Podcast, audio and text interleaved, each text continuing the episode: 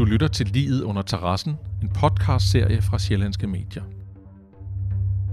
I efteråret 2018 forsvinder Lars Halvor fra den ene dag til den anden. Politiet afhører hans ven, Henrik Verdun Hansen. Verdun fortæller, at Lars godt nok havde været forbi, men var kørt igen. Politiet renser landejendommen gang på gang med deres hunde. Politiet går i gang med gravemaskinen på terrassen. Og svøbt ind i en bassindu ligger et lig. Liget af Lars Halvor. I byretten nægtede Henrik Verdun sig skyldig i drab. De troede ikke på, at han skød Lars Halvor ved et uheld. Henrik Verdun Hansen blev idømt 15 års fængsel for drab, usømmelig omgang med lig og medvirken til narkohandel. Henrik Verdun ankede på stedet. Nu kører drabsagen igen i Østre Landsret. Vores journalist Anna Hjortsø følger sagen i landsretten. Efter hvert retsmøde tager hun i studiet og fortæller, hvad der er sket.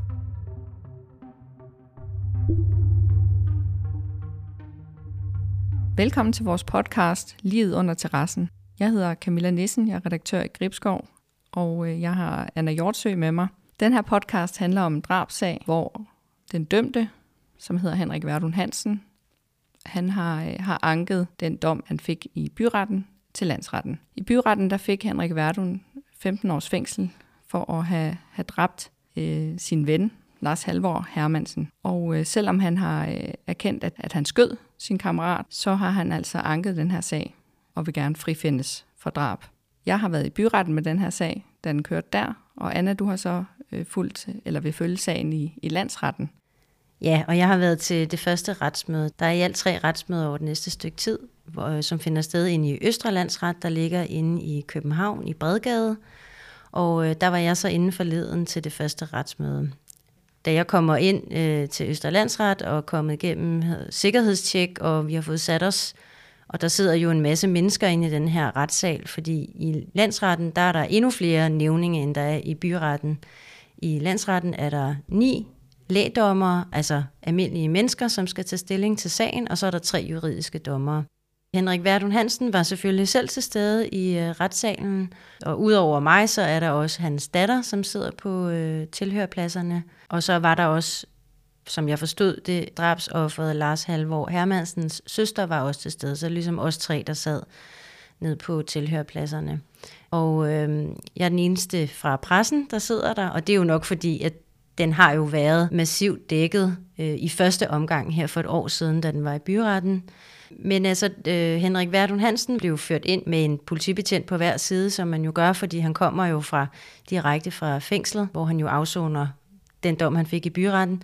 Han havde sådan nogle meget almindeligt tøj på, kan man sige. Han havde sådan nogle sort-hvide Adidas sko på, og kop, blå kopperbukser, og så sådan en sort sweatshirt med lynlås i. Var han påvirket af det, eller, eller hvordan øh, tog han det her med at skulle, skulle møde op i retten igen? Altså, han sad jo sådan stille og roligt øh, på sin plads, men han blev også berørt af det øh, flere gange. Især eller når der blev nævnt noget om, øh, om selve drabet, så, øh, så, så begyndte han at græde.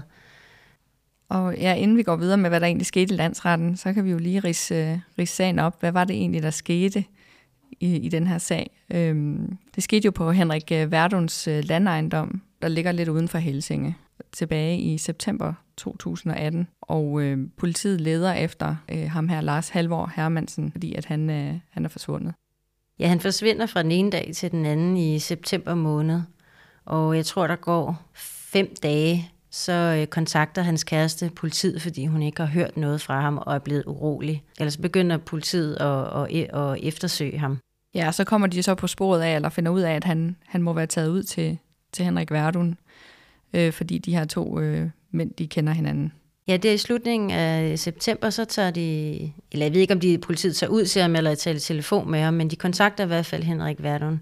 Og øh, han fortæller så, at Lars Halvor var forbi der på forsvindingstidspunktet, eller omkring forsvindingstidspunktet, og han var forbi for at ordne sin bil i Henrik Verduns øh, værksted. At det var ligesom, det kunne man forstå, det var ligesom øh, en ting, de gjorde sammen, og så kom Lars Halvor med sin bil, og så kiggede de på den sammen og ordnede forskellige ting i hans værksted. Øh, men han fortæller, at når da de har gjort det, så går han igen ved 18-tiden. Og han fortalte også der, at første gang politiet taler med ham, at han havde ikke nogen idé om, hvor Lars Halvor kunne være henne. Men det bliver, viser jo så, at det er jo den første af flere afhøringer eller flere samtaler med politiet. Og det næste er, at politiet finder ud af, det via sådan en nummerpladegenkendelse, at Lars Halvors bil på forsvindingsdagen kører på Vestmotorvejen i retning mod Amager omkring øh, klokken 1 om natten, og den så bilen kører retur den anden vej et par timer senere. Men de kan ikke se, hvem der sidder i bilen. Det er en videooptagelse, det her, men man kan ikke se, hvem der sidder i bilen. Og så finder de så, på baggrund af nogle tips, som de får politiet, finder de så Lars Halvors bil i nærheden af Bagsvær Sø. Og den her bil, den holder så på sådan en, øh, en parkeringsplads, som er, og den er aflåst, og politiet kan ikke komme ind i den. Den har arbejdet sådan et, det, der hedder et deadlock-system, som betyder, at det er ret svært at komme ind i bilen. Så der går noget tid før politiet faktisk får adgang til at kunne se, hvad er der inde i bilen. Der kan være, at der er nogle spor, som kan hjælpe dem på vej. Ja, og så, øh, så afhører de igen Henrik Verdun i, i lang tid, to og en halv time, øh, ude på hans, øh, på, på hans landejendom, hvor, hvor han også fortæller noget med, at, øh, at, at Lars, øh, Lars Halvor her, at han, øh, at han solgte stoffer, og, øh, og der kan være sket noget i forhold til, at han er gået ind på, på et marked, han ikke skulle være gået ind på. Øh, det er i hvert fald sådan noget, han blandt andet fortæller til politiet. Ja, det er sådan noget med... Altså, han har overtrådt noget. Ja. ja, i forhold til med at sælge stoffer, at der, ja, kriminelle sidder jo på forskellige markeder, eller hvad man skal sige, og der kan komme, kan komme nogle konflikter. Og det er sådan noget, han er inde på på det her tidspunkt. Og noget med, han også, da han var hjemme hos ham, skulle køre en narko, eller en runde, som politiet så forstår som en eller anden form for narkorunde, og så måske i den forbindelse være forsvundet.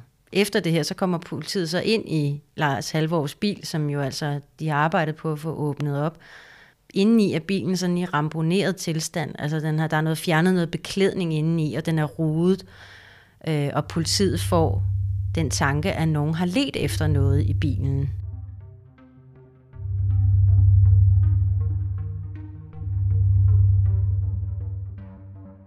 Og så afhører de igen Henrik Verdun. Ja, det er noget med, at han ligesom peger på nogle personer, der kunne have noget at gøre med, at han er forsvundet. Ja, og han nævner noget om en narkotikamarker, en uges tid senere, så taler de så politiet igen i telefon, så taler de i telefon med Henrik Verdun, og der siger han så, at han havde noget, han gerne ville fortælle politiet, fordi han synes, det var vigtigt, at de kunne finde ud af, hvor Lars Halvor var henne. Der nævner han en rygsæk med nogle poser med, med hvidt pulver. Han sagde, at Lars Halvor gjorde sig i amfetamin.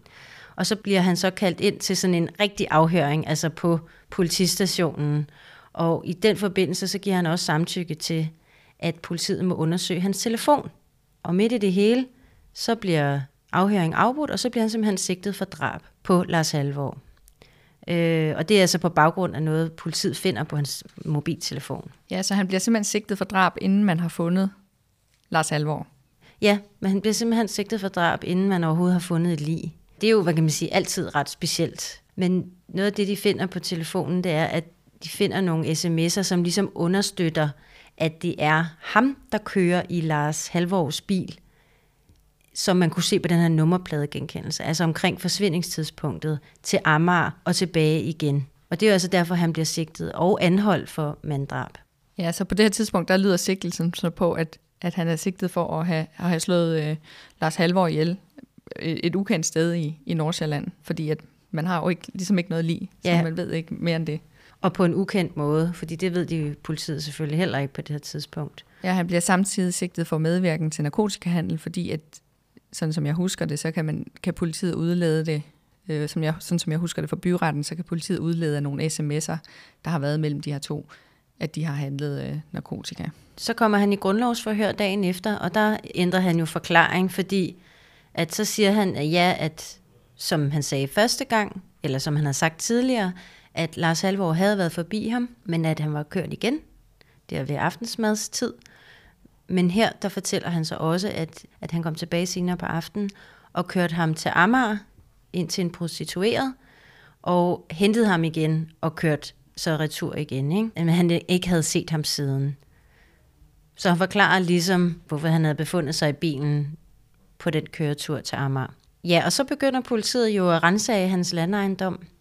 Øh, det er en... Øh, altså han bor til leje i et hus, som ligger blandt flere huse, som, som ligger sådan tæt på Valby Hegn. Der bor naboer lige i nærheden op af Henrik Verduns hus. hvor han bor sammen med sin datter og hans svigersøn. Ja, og man kan sige, at politiet på det her tidspunkt øh, arbejder med en teori om, at det er et gerningssted. Det bliver ligesom spærret af med minestrimmel, og øh, ja, man kan se, at der er en voldsom aktivitet derude med, altså jeg tror, der er på et tidspunkt i hvert fald måske fire biler med politihunden. Altså man, øh, man går massivt ind på, på at finde Lars Alvor derude. Og Så vidt jeg forstår, så finder politiet på det her tidspunkt et værkstedsrum mistænkeligt, eller de finder det mistænkeligt, at det er under en total renovering. De tænker, det er et muligt gerningssted, og de begynder at bryde gulvet op og søger med sådan noget særligt lys, som kan være med til at finde spor og sådan noget, men der kommer ikke noget ud af det. Og ved den her i starten, der finder politiets narkohunde finder så en betonklods, der er gravet ned, og nede i den betonklods, der ligger så knap 2 kilo amfetamin. Ja, så samtidig finder man så et narkoregnskab i Henrik Verdums vindueskarm inde på hans værelse. Og den her første rensning er 18. oktober, som jo faktisk er en måned efter, at øh, Lars Halvor er forsvundet. Ja, øhm, så. så der har de stadigvæk ikke fundet øh, Lars Halvor, og på det tidspunkt, så politiet virker jo ret sikre på, at øh, han ikke er i live længere. Øhm, så det er jo livet, de leder efter, eller i hvert fald spor, som kan, som kan sige noget om, hvad der er sket. Så nogle dage senere finder de så noget derude igen. Der finder de øh, et havlgevær, øh, dobbeltløbet havlgevær, øh, som, som er, er gerningsvåbnet, og det er, øh, det er gravet ned øh, i en sort, det har sådan pakket ind i en sort sæk, og så er det, så er det gravet ned. Og der er også øh, ammunition og kanonslag, sådan som jeg husker det, gravet ned sammen med havlgeværet her. Ja. ja, på det tidspunkt ved politiet jo ikke, at det er gerningsvåbnet, men det er jo Nej. så det, der senere skal vise sig at være gerningsvåbnet, der er gravet ned.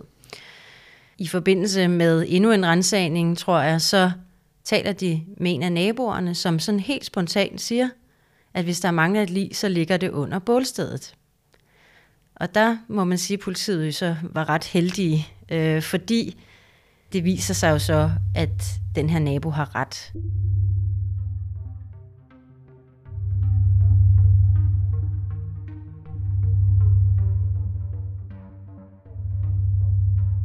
På hvad Henrik Verdens terrasse har han anlagt, efter Lars Halvor er forsvundet, har han anlagt et bålsted på terrassen, ovenpå et gammelt havebassin, som der har været tidligere.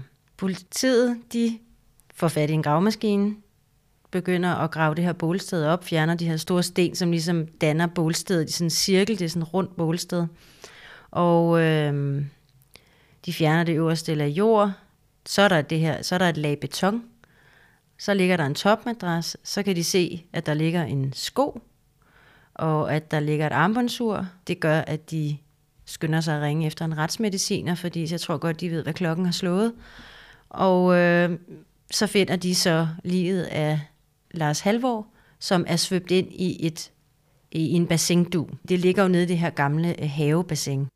Obduktionen viser så, at Lars Halvor er blevet skudt i højre side af halsen med havlgevær. I landsretten så blev også vist en skitse af Lars Halvor af havlet. Det var sådan nogle små røde prikker på den her, den her tegning, og de fordelte sig så sådan i, hvad kan man sige, i nakken og i baghovedet, så det her havl har jo spredt sig. Og det fremgik også, at hans kæbe sådan var sønderskudt. Ja, så har politiet jo sådan set både lig og gerningsvåben. Det var jo det her, de havde jo på det her, de havde jo i forvejen fundet det her havlgevær gravet ned. Ja, så nu passer pengene både øh, pludselig. Nu har man både en, øh, man har en, der sidder øh, er sigtet for det her drab, og man har også et, et lig, og man har et gerningsvåben.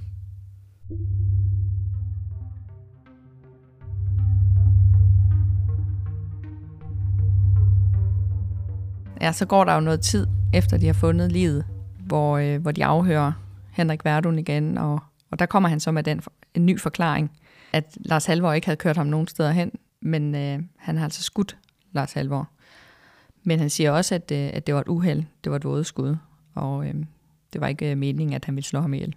Og øh, han erkender jo også, at han har gravet ham ned. Og det viser sig, det er jo et langt forløb, det her, hvor, de, hvor, hvor der er rensagninger, hvor de leder efter øh, spor og, og efter Lars Alvor. Og det viser sig jo også, at, at grunden til, at, at politihunden ikke kunne finde ham, det var jo fordi, at han var dækket af, af beton. Ja, fordi de er jo virkelig dygtige, de her politihunde. Altså, de har jo virkelig, øh, de kan finde alt, hvis det skal være, ikke?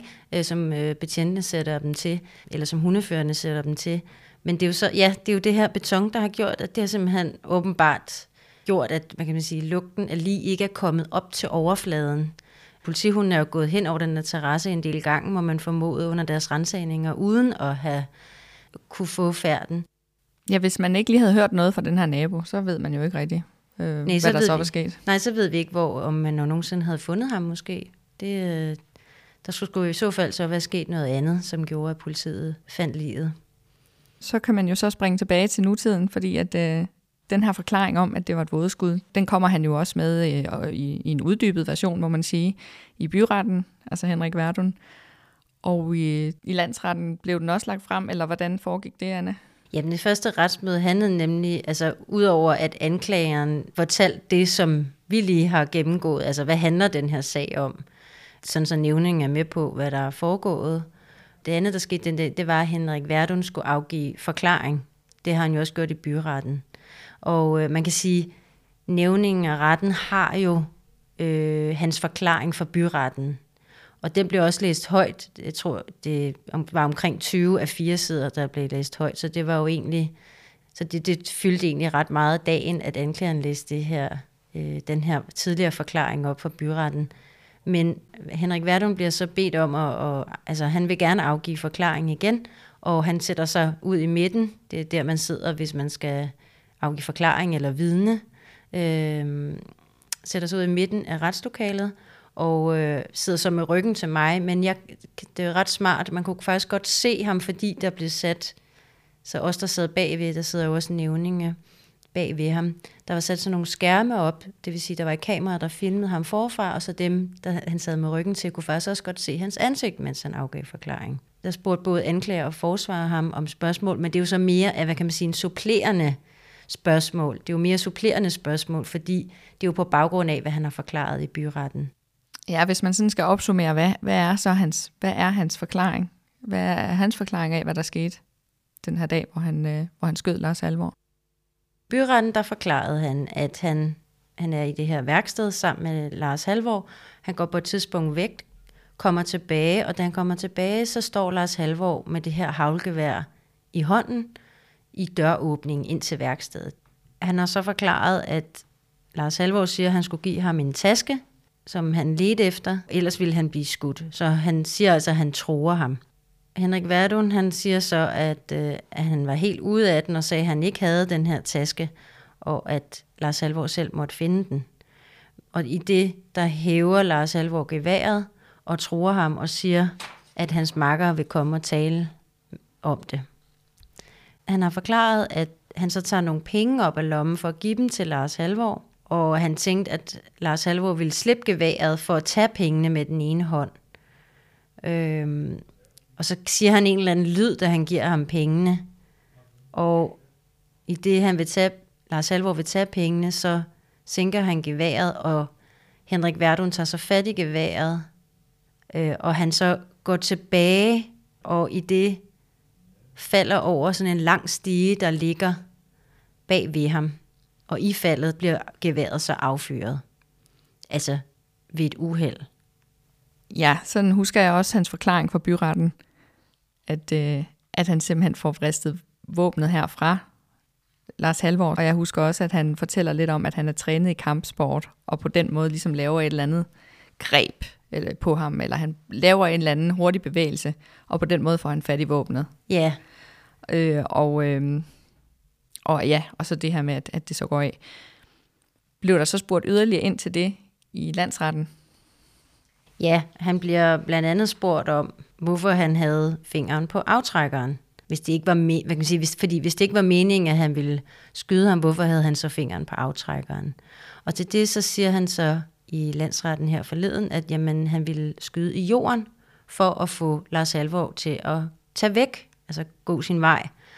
Øh, og han siger, at han oplevede det som en voldsom og farlig situation, der lige pludselig opstod, og han sagde, at det var vigtigt, at man forstod, at det var en farlig, voldsom mand, der stod foran ham, og at hvis han havde, Lars Halvor havde fået geværet tilbage, så var det ham, der var død i stedet for. Øh, så man kan sige, at han forklarer også yderligere, at han ligesom træder tilbage for, væk fra Lars Halvor, går baglæns for, at Lars Halvor ikke skal få geværet i hænderne igen. Så det blev sådan uddybet, kan man sige. Det her med, at han forklarer, at han, at han vil have skudt, eller at han vil skyde jorden for at få ham væk, det er, øh, som jeg husker det, ikke noget, som, som han sagde i byretten. Der holdt han sig udelukkende til det her med, at, han, at våbnet var gået af ved et uheld, da han faldt over en stige. Øhm, så det, som jeg ser, det er noget, noget nyt. Ja, det mener jeg heller ikke, øh, da jeg har læst dommen, øh, eller jeg har læst øh, hans forklaring fra byretten. Jeg mener heller ikke, han siger, at, øh, at han skulle have haft en eller anden intention om at skyde i jorden. Og han bliver også spurgt, hvorfor han ikke tilkalder hjælp. Altså, da det her skud er blevet affyret, hvorfor er det, han ikke tilkalder hjælp? Så sagde han, at det her uheld sker på det værst tænkelige tidspunkt på dagen. Men han siger, og han siger også, at det skete på det værst tænkelige tidspunkt i hans liv. Øh, han fortalte, at han var misbruger, og at han var en ulykkelig mand, og han kunne ikke rumme noget på det her tidspunkt i sit liv. øh, men at han var ved at komme på rette fod, at han var gået i behandling hos en misbrugskonsulent, og havde mødt en kvinde, og han siger, at han, mine to børn har været meget igennem med mig, og han i situationen tænkte, det her kan jeg ikke udsætte dem for, og han vil bare have det til at forsvinde, fortalte han. At det var det, han tænkte i situationen.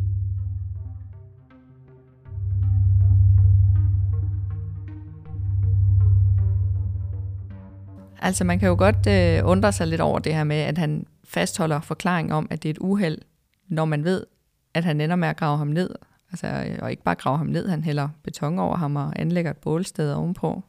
Det har været meget vigtigt for ham, at, at han ikke blev fundet, kan man sige.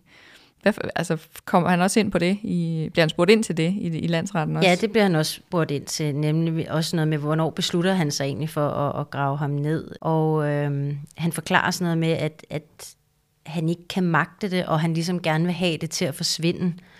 Øh, og at øh, han også var bange for det bagland, som han mener, Lars Halvor har. Altså sådan et kriminelt bagland, som vil komme efter ham, øh, vil skade ham eller, eller hans børn. Han ville gerne have livet til at forsvinde, også fordi han var bange for det kriminelle bagland, som han mener, Lars Halvor havde. Han kunne dog ikke i landsretten komme med nogle navne på, hvem det så skulle være. Øh, men han mente, at alle, altså han havde en stor eller en kriminel øh, omgangskreds. Og det er jo selvfølgelig også, det er jo også øh, på baggrund af, at der er stoffer, amfetamin blandet ind i det her. Ja, de har jo en, altså de to, de kender jo hinanden, ved vi. De er jo venner. Øh, måske endda har de endda været rigtig gode venner.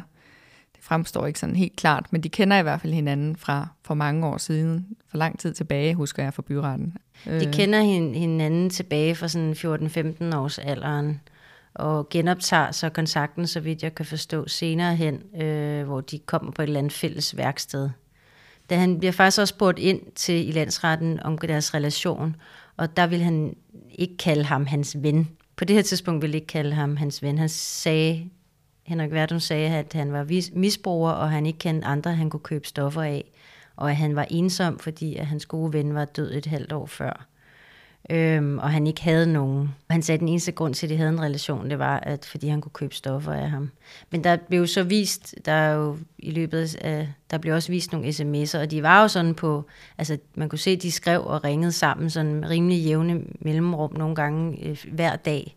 Men noget går jo i hvert fald galt imellem dem, og det er jo den her narkogæld, som øh, Henrik Verdun har til, til Lars Halvor i byretten, hvor, hvor jeg var øh, til stede. Altså der er i hvert fald, der bliver fremlagt noget, nogle korrespondencer imellem dem, hvor Lars Halvor presser på for at få nogle penge fra Henrik Verdun. Og det er, det eskalerer ligesom den her øh, konflikt, de har om de her penge, og, øh, og vel, han prøver ligesom at undgå at skulle betale de her penge. Og I dommen fra byretten, der bliver det jo også øh, nævnt det her med et motiv om, at han, at han skyldte Lars, øh, Lars Halvor penge, og at, øh, at der var den her øh, sms-korrespondence mellem øh, Henrik Verdun og Lars Halvor. Ja, og i byretten, der blev han jo dømt for medvirken til, til narkohandel, og øh, det er ikke noget, han bestrider her i forbindelse med ankesagen. Det gjorde han i byretten. Men her i landsretten, der erklærer han sig skyldig i det punkt også. Så på den måde kan vi jo godt konstatere, at de har, øh, de har handlet med narko med hinanden, eller har haft det her, den her en eller anden form for narkohandel sammen. Ja, altså man kan vel sige, at fordi at han ligesom er, er i indblandet i narkohandel, det hænger jo nok også lidt sammen med det her med, at han henviser til, at Altså at Henrik Verdun henviser til, at Lars Halvor har et farligt bagland. Ja, men ja, Henrik Verdun fortæller jo, at han havde, han havde en frygt for, at nogen fra det her bagland skulle komme og gøre ham og hans datter og svigersøn fortræd. Men anklageren går ham så på klingen, kan man sige, og spørger, fordi der, hans sms'er med sin datter om aftenen, hvor at hun skriver, at de kommer hjem senere, så spørger anklageren, hvis du var bange for, at der skulle ske noget, der ligesom skulle komme nogen hen hjem til dig og, og gøre dem fortræd, hvorfor sagde du så ikke, at de skulle... Hvorfor sagde du så ikke til dem, at de ikke skulle komme hjem? Og så siger han, at på det tidspunkt havde han fået Lars Halvors bil væk, og at hvis de kom, så ville de gå efter ham. Så det vil sige, fordi han selv var der, så ville de ikke gøre hans datter noget. Men så siger anklageren, men du tager jo til København senere, og så er du jo ude af, altså så er du netop væk, og din datter og svigersøn er i huset. Han tager jo hen til en prostitueret på Amager om natten, og der svarer han så, fordi ifølge verden selv, så ligger livet på det her. Det var ikke det, han sagde først, men først sagde han jo, at han havde gravet livet ned med det samme, men senere ændrede han forklaring til politiet og sagde, at det lå at det var først dagen efter, og det så i den mellemliggende periode på det her tidspunkt har ligget inde på værkstedet, at han trukket ham ind på værkstedet, hvor han stod der i døråbningen. Og, øhm, og det er derfor, han så svarer, at jamen, de ville ikke finde livet, fordi han havde hævet ind på værkstedet, og døren var låst, og hans bil var der ikke. Og så sagde han, at de heller ikke vidste, at han boede der, og at de ikke kunne bryde det der værksted op. Altså det vil sige, at de ikke ville få mistanken om, at der var sket noget. Og han bliver så også spurgt ind til den der divergerende forklaring, der har været tidligere til politiet om, at han først graver ham ned, eller først at han graver ham ned samme aften, men at han så ender med at sige, at det er dagen efter, det er det, han siger i byretten. Han siger så her i forleden, at politiets afhøring er meget speciel, og at man, han, man mister lynhurtigt sammenhængen i det, og han på det tidspunkt, da han svarede på politiets spørgsmål, ikke tænkte over, øh, over det i første omgang, hvornår han havde gravet øh, ham ned. Han tænkte bare, at, jamen, at vi, han fortalte, at han havde gravet ham ned. Øh, og, det, at, og at politiet godt vidste det. Så han, jeg tror ikke, ja, man må forstå det som, han synes, har nok ikke tænkt, at det var vigtigt, hvornår han gravede ham ned, da han svarede på spørgsmålene, Sådan kunne man forstå det. Det, at han har gravet livet ned, det er ikke noget, man ser hver dag. Øh, og det er sådan set også en af grundene til, at den her sag har, har øh, været enormt opsigtsvækkende og, og tiltrukket sig stor opmærksomhed. Ja, det er jo faktisk det, altså man kan sige, eller det er, drab er jo altid en meget alvorlig forbrydelse, men det, der gør den her sag, hvad kan man sige, lidt anderledes end de fleste, det er, at han, at han graver livet ned. Det er jo ikke noget, det er jo ikke særlig tit. Har du hørt om det før egentlig? Nej, altså man har måske, man har set det på film, ikke? Altså at man, man graver lige ned, men det er jo ikke noget, man, man ser særlig tit faktisk, i Danmark i hvert fald. Og hvad vi sådan hører, så er det, så er det i hvert fald ikke særlig almindeligt. Nej, det er ikke så tit, at øh, et lig bliver gravet ned på den måde. Og så er det jo også, det her drab, det skete jo også på et tidspunkt i Gribskov, hvor altså, det skete på et år, hvor der var tre drab i alt. Øh, det var faktisk det første drab, og så skete der to yderligere drab inden for, øh, for et år. Og det øh, normalt så går der mange år imellem.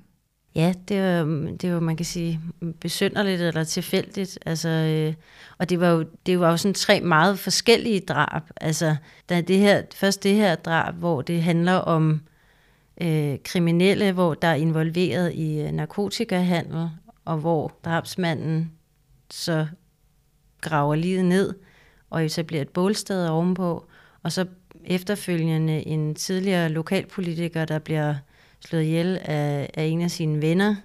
Også meget opsigtsvækkende sag i virkeligheden. Ja. En, en kendt øh, mand i lokalområdet, der ja. bliver slået ihjel, mens han sidder i sit soveværelse. Og øh, netop, ja, han bliver opsøgt af en, af, en, af en tidligere ven. Og ja, så har vi jo... Øh... Ja, så har vi lægedrabet, hvor et, øh, en læge, der bo, boede i Tisvilde Leje, øh, blev slået ihjel af en tidligere patient, hvor der faldt dom her for ikke så lang tid siden, og som vi jo også har lavet en podcast om, hvor vi har fulgt alle retsmøderne.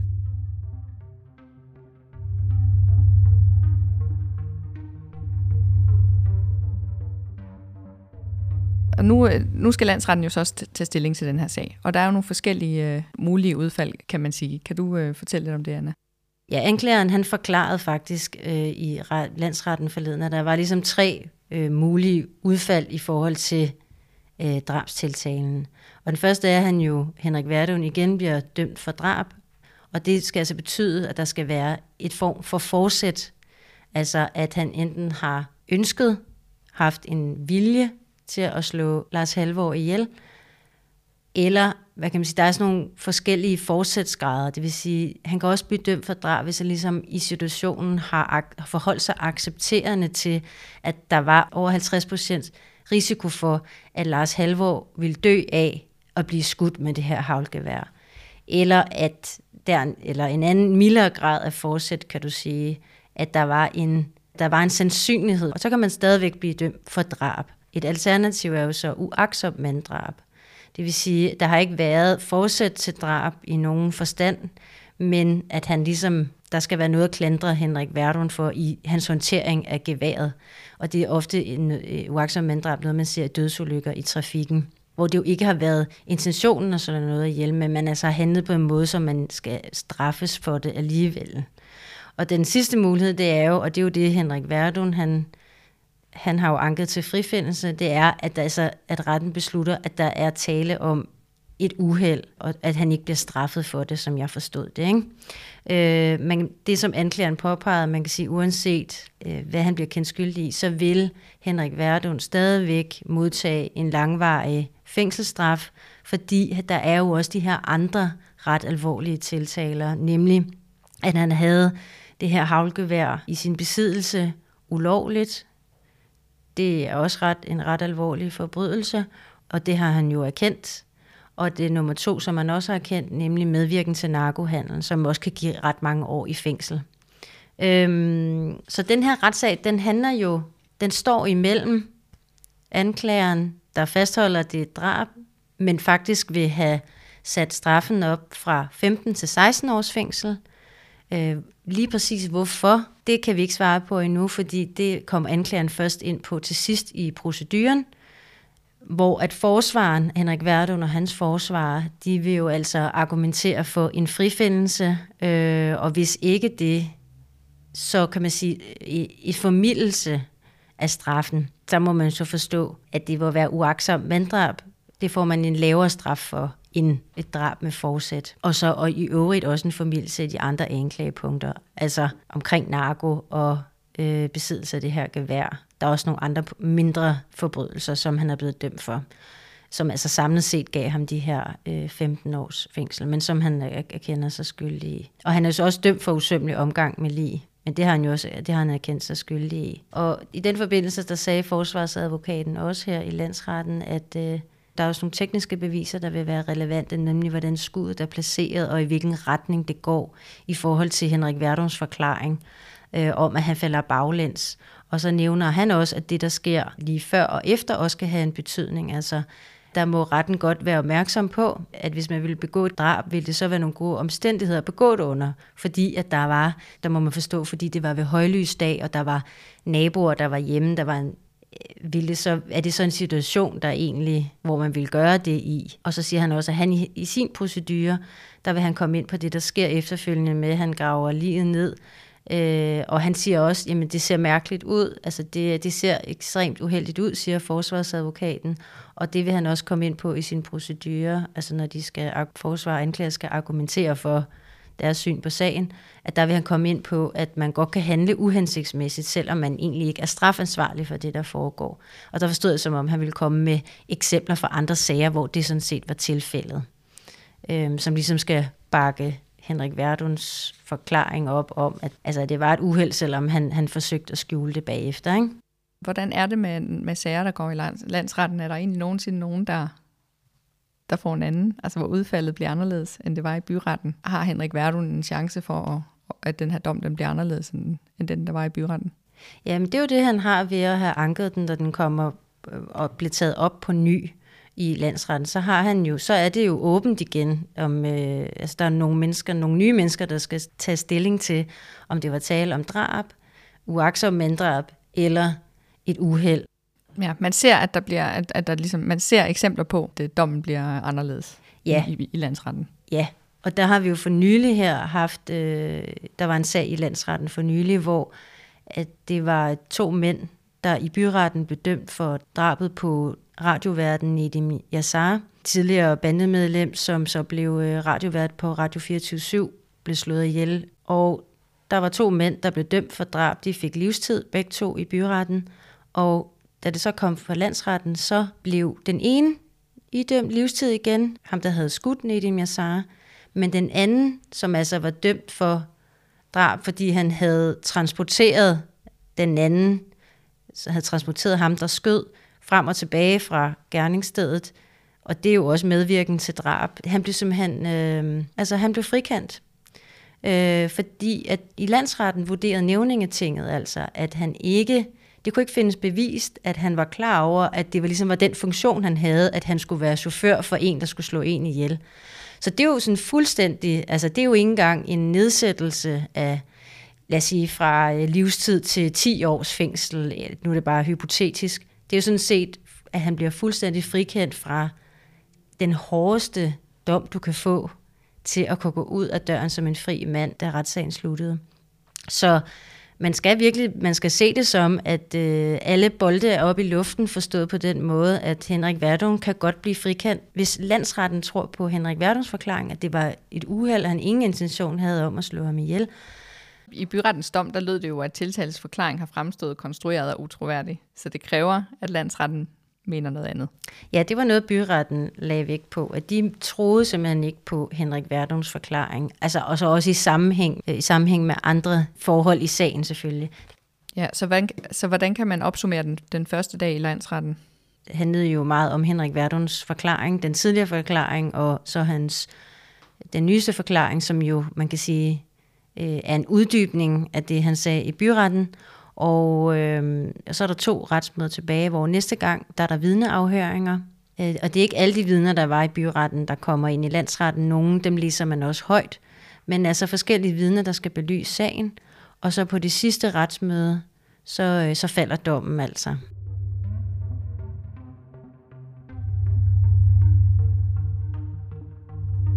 Du har lyttet til en podcast fra Sjællandske Medier.